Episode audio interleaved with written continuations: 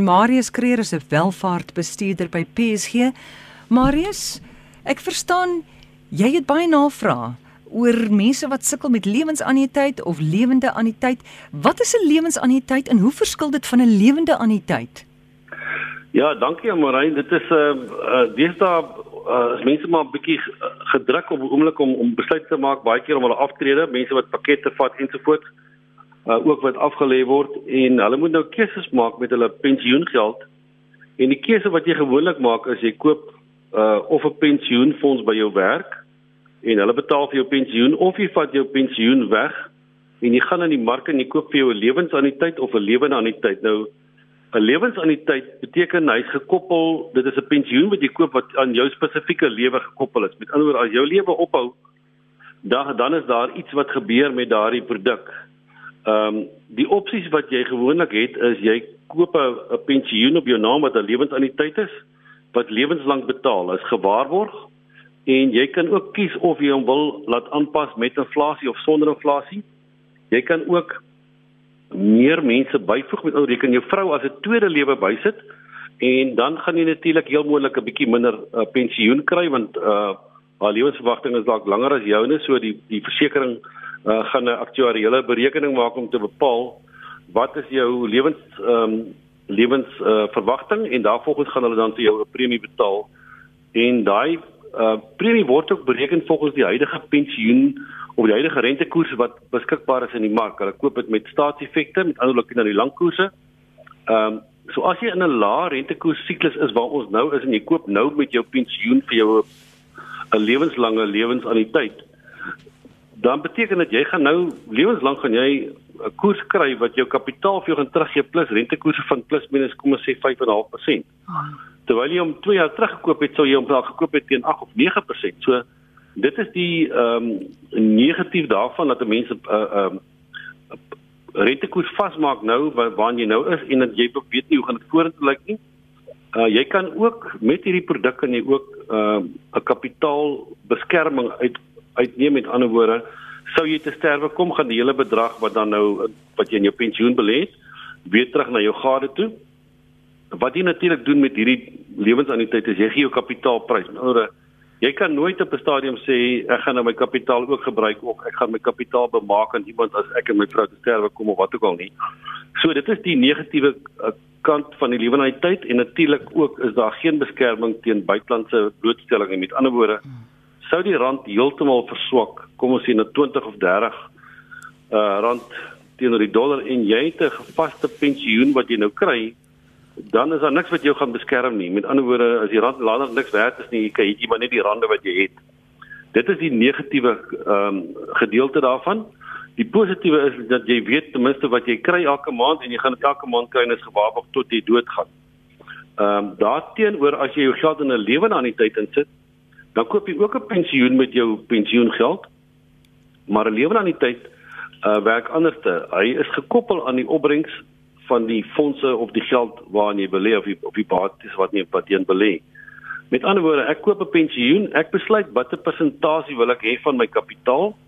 Uh minimum kan jy 2.5% vat, maksimum 17.5% en die geld moet dan deur iemand soos PSG of wie ook al bestuur word om vir my 'n maandelikse inkomste te betaal. Die negatiewe of die risiko aan 'n lewensentyd is wanneer markte swak doen of iemand bestuur jou geld swak, kan jou kapitaal dalk nie goed genoeg groei om die lewensverwagting te aan te hmm. te hanteer nie en jy kan dalk jou kapitaal oorleef. Ehm um, die ander voordeel is jy kan natuurlik by 'n lewe aan die tyd kan jy 'n begunstigde opsit met ander as jy te sterwe kom dan is die geld outomaties op jou vrou se naam, dis buite jou boedel en sy kan net aangaan. Sou jy genoeg kapitaal hê om dan nou hierdie kapitaal nog te beskerm, dan kan jy nog die kapitaal laat vererf deur middel van kinders te begunstig op die ou end van die dag. So baie mense uh, voel hulle wil nie hulle kapitaal prys gee nie uh wat jy in 'n lewensanniteit moet doen en hulle gaan dan liewer die lewende anniteit roete om te sê maar ek het ten minste nog my kapitaal en ek het nog opsies na die tyd. Ehm um, die keuse wat jy maak met 'n lewensanniteit as jy op gemaak het kan jy dit nie omswaai nie. Terwyl met 'n uitre met 'n lewende anniteit kan jy agterna besluit jy wil 'n gedeelte van jou kapitaal, al jou kapitaal wanneer rentekoerse miskien baie hoër is, wil jy dalk nou 'n lewensanniteit koop. So dis miskien miskien net die twee die twee verskillende opsies. Goed, daai een wat jy na die twee kyk. Ja. Daai daai een wat jy sê wat jy as jy jou vrou daar opsit, gaan jy so bietjie minder verdien want sy gaan langer jy as jy lewe. Ehm um, kan jy nie kan jy maar wat van as jy jou skoonma opsit? Sy gaan korter as jy lewe, gaan jy darm skoor. Jy jy kan ongelukkig nie daai roete gaan nie. Okay. Ja, jy jy kan nie vir haar bysit nie. Ja, jy kan jy kan wel jy kan jou gade bysit. Okay, nee, ek speel maar. Uh, watter tipe persoon, Marius, watter soort mens behoort in elke opsie te belê? Ja, daar's eintlik dis nie daar's nie 'n goue reël nie, maar daar is tog baie keer kry jy iemand wat 'n uh, alleenloper is en die persoon het nou nie 'n kind of kraai om voor te sorg nie. En die persoon sê maar ek wil nie eintlik risiko hê nie, maar ek wil die maksimum kry wat ek kan kry uit hierdie pensioen uit. Ek soek nie ek soek nie uh wisselvalligheid nie en ek gaan 'n waarborg koop wat kom ons sê met inflasie gekoppel is. En as ek dan nou binne 2 jaar sterwe kom en in die res van die kapitaal is dan nou maar weg by die versekeringsmaatskappy, is ek gemaklik daarmee uh, want ek het niemand om voor te sorg nie. So daai daai tipiese persoon sal vir 'n lewensanniteit gaan. Ehm um, maar hy kan ook 'n lewensanniteit kry. Die die persoon wat vir die lewensanniteit gaan is 'n persoon wat nog uh sy kapitaal oor die langtermyn wil beskerm. Hy sien hy het genoeg kapitaal in sy in sy aftreefonds om daarvan te lewe en hy wil ook nie sy kapitaal alles gebruik nie en hy wil nog hierdie kapitaal laat vererf het sy aan sy vrou of daarna aan sy kinders.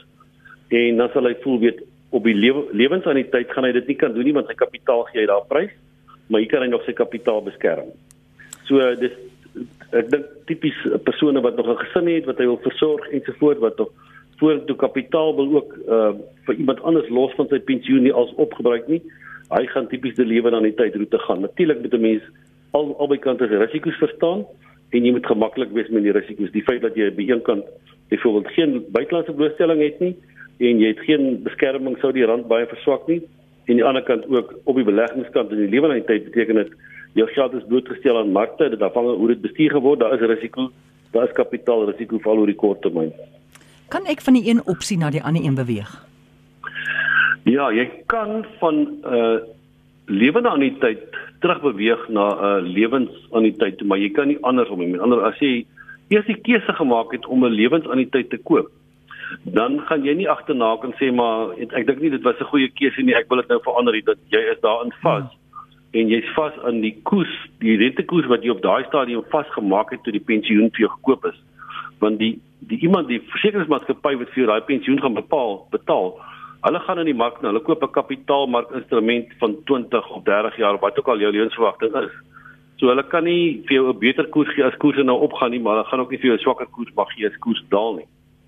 So dis dis ongelukkig so dat as jy eers daai roete gevat het, kan jy nie weer omskakel nie. Wat baie mense doen is na 'n klomp jare in hulle lewe aan die tyd skakel hulle dan 'n gedeelte van hulle geld. Hulle besluit besluit hulle wil nie meer al hierdie risiko hê van wisselvalligheid nie so, maar hulle wil ook nie geen geen buitelandse blootstelling hê nie. So hulle vat die helfte van hulle pensioen uit 'n lewe aan die tyd en hulle gaan dan uh koop dan 'n lewensanniteit. So jy kan wel van die een na die ander gaan, maar nie van die een van die lewensanniteit kan jy nie oorgaan na die lewensanniteit nie. Vertel my van die kostes van hierdie anniteite en kan ek die koste binne die anniteit verlaag?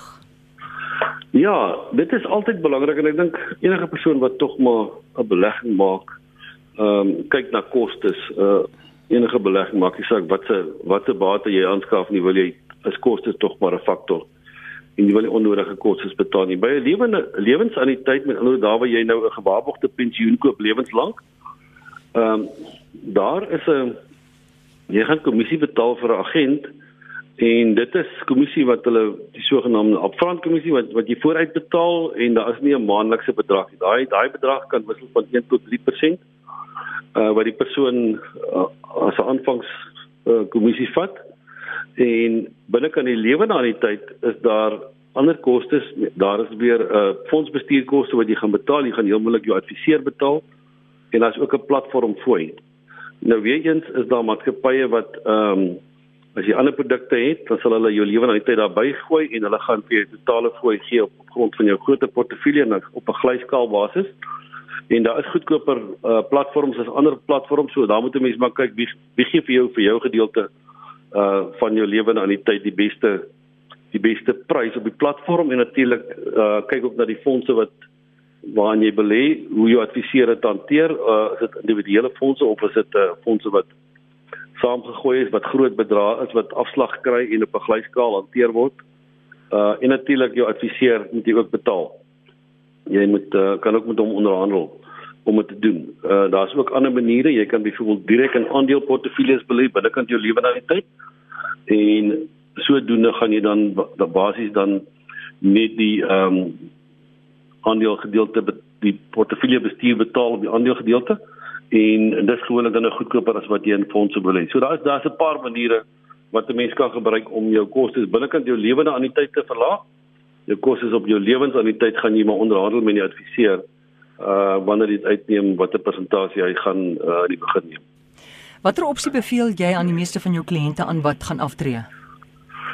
Daar's eintlik nie 'n opsie wat ons aanbeveel nie. Wat ons maar doen is ons probeer elke persoon se situasie ontleed en wat vir hom die beste gaan werk en natuurlik sy persoonlike voorkeure moet 'n mens dan in daai voorstel inbou.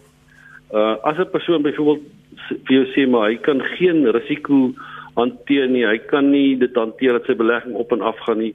Hy wil 'n gewaarborgde pensioen hê. Ehm um, dan gaan die lewensanniteit vir hom beter werk.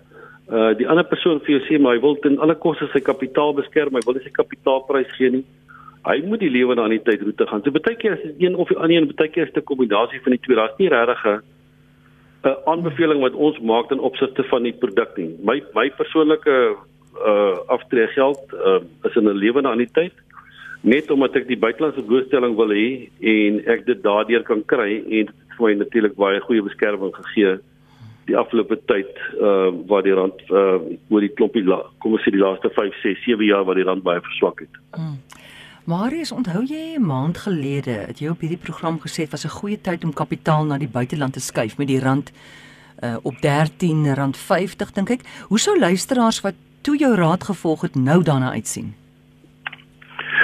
Ja, dit is nogal belangrik. Ek baie keer kyk mense 'n bietjie terug uh want jy wil mos maar vir mense op daai stadium 'n bietjie van 'n aanduiding gee ehm uh, wat 'n strategie ons self volg en wat ons dink hulle moet volg.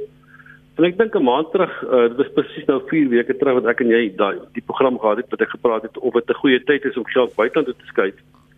En soos jy sê die rand was toe op 13.50 gewees. So as jy op daai stadium net jou geld geskuif het en jy het geen groei gekry in dollar terme en oor jy het nie aandeel gekoop wat gegroei het nie, jy het net die geld geskuif in die buiteland toe. Het jy die afgelope maand 10% gemaak wanneer die, die rand is vanoggend op 13 of 14.85 presies uh 10% hoër as wat hy 4 weke terug gewees het. Ehm um, so daar is tye wat 'n mens sien as jy bietjie na jou portefeulje kyk waar jy redelik kan sien uh wanneer iets oorwaardeer is of onderwaardeer is en ons het net op daai stadium gedink waar die rand gewees het op 13.50 uh was hy redelik sterk geweest en ehm uh, met alles wat natuurlik het ons nie voorsien wat gaan gebeur in die land met die onluste en die ander goed nie maar ek dink ook net waar ons nou is met die hoeveelheid skuld wat die staat het en wat hulle nog meer moet maak nou uh gaan die rand dalk vorentoe nog baie meer onder druk kom. So ek dink mense wat wel geskuif het en wat hulle wat hulle buitelandse doelstelling verhoog het is baie bly hulle dit gedoen. Uh ek wil maar net weer sê as 'n mens as 'n mens geld buiteland toe vat, dan vat jy dit nie net omdat jy dink jy gaan 'n beter opbrengs kry as wat jy plaaslik gaan kry of omdat iemand jou bang gepraat het oor die regering of oor oor politiek nie. Jy doen dit uit 'n basis van risikobestuur en laat jy die res van jou portefeulje wil beskerm teen uh, byvoorbeeld randswakte en teen 'n ekonomie wat in die moeilikheid kan kom. Uh en laat jy sit met baie beter geleenthede in die buiteland en maatskappye waarin jy kan belê is wat ons hmm. in Suid-Afrika het. Ons het nie uh Microsoft nie, ons het nie uh Apple nie, ons het nie Amazon nie, ons het nie 'n Johnson & Johnson of 'n Pfizer nie. So dis maatskappye wat mense in die buiteland kan beleef wat werklik met wêreldleiers is in 'n gebied. Ehm um, en wat mense nie kan kry nie. So jy diversifiseer net jou portefeulje omdat jy ook in bates beleef wat nie wat nie bestaan nie, maar ook in baie groter maatskappye as wat ons tans kan in belê en maatskappye met 'n 'n groter slaankrag in die wêreld as mense dit so kan noem want as jy nou in China kom sal jy daar Apple fone kry as jy maak nie saak waar in die wêreld gaan nie, jy sal Coca-Cola daar kry. Uh jy sal Johnson se seep kry, maak nie saak waar in die wêreld jy gaan nie. So dit is wêreldspelers wat 'n mens mag kan of kan in belê. En ek dink mense wat dit nie gebruik nie, ehm um, is regtig uh, op die stadium, ek dink hulle hulle mis regtig uh, 'n groot deel van die groei, maar hulle verhoog ook hulle plaaslike risiko omdat hulle net in Suid-Afrikaanse bates belê is. Ehm um, ja, ons kan 'n bietjie miskien ehm um, as daar nog 'n bietjie tyd is, mm, ja. kan ons dalk kan ons dalk 'n bietjie praat oor mense wat mense wat aftree op die oomblik wat in 'n situasie is waar hulle nou moet keuses maak rondom ehm uh, aftrede waar hulle eintlik nie gereed was daarvoor nie. Het as jy nou dink hoeveel mense het nou het ek gehoor het pakkette is aangebied vir hulle as gevolg van die onluste, mense wat hulle werk gaan verloor en maatskappye wat nie weer gaan oopmaak nie. En ewe skielik het daai mense het geen beplanning gedoen tot nou toe nie en nou moet hulle hierdie besluit te maak. Goed, so wat 'n wenk het jy?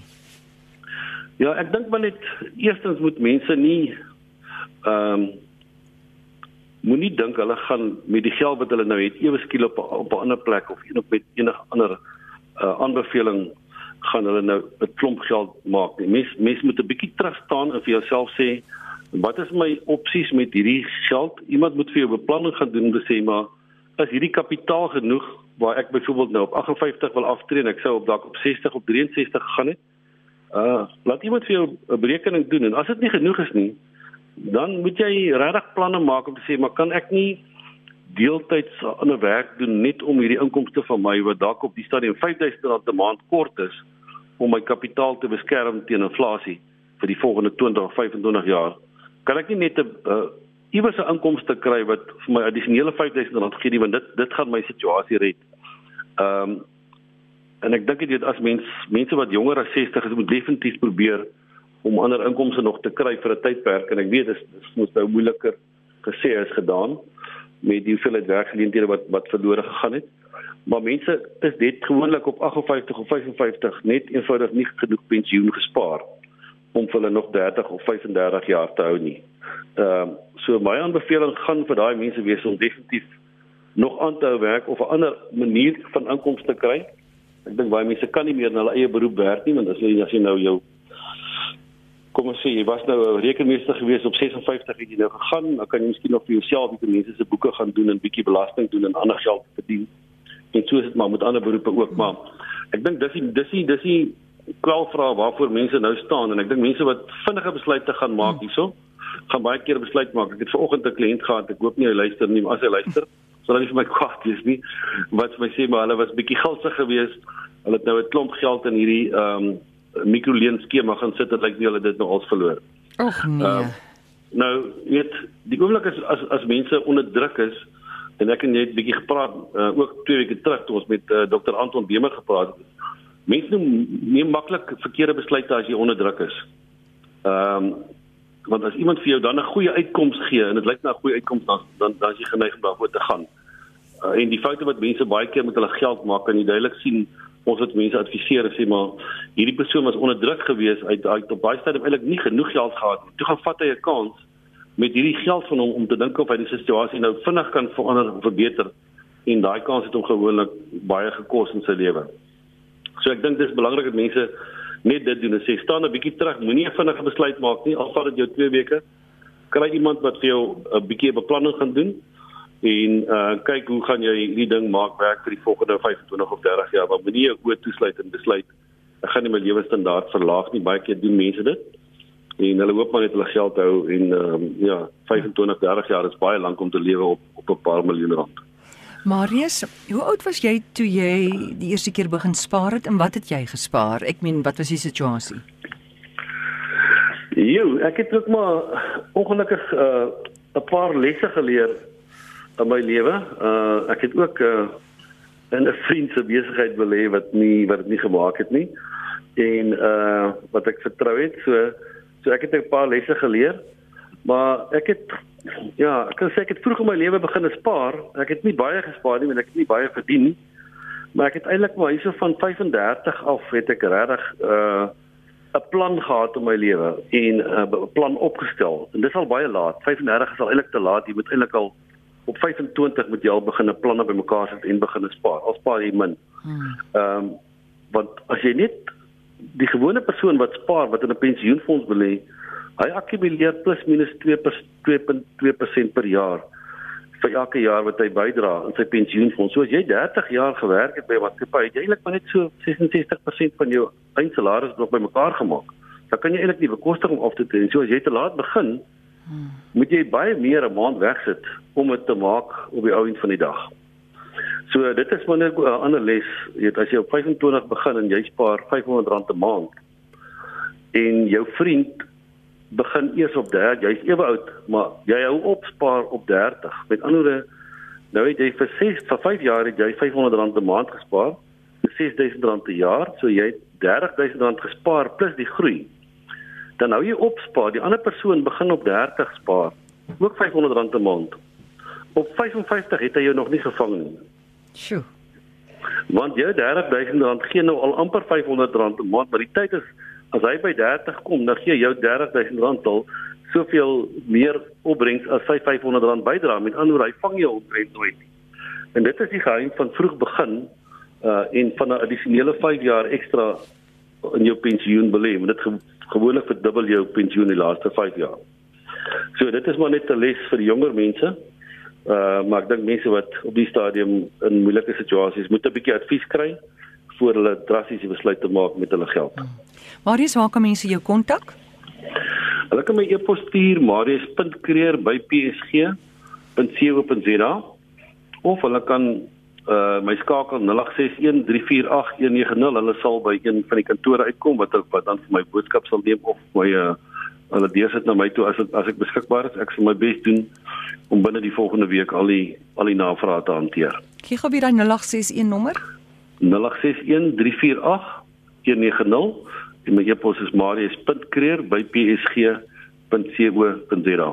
Daar het jy dit Marius Kreer, welvaartbestuurder by PSG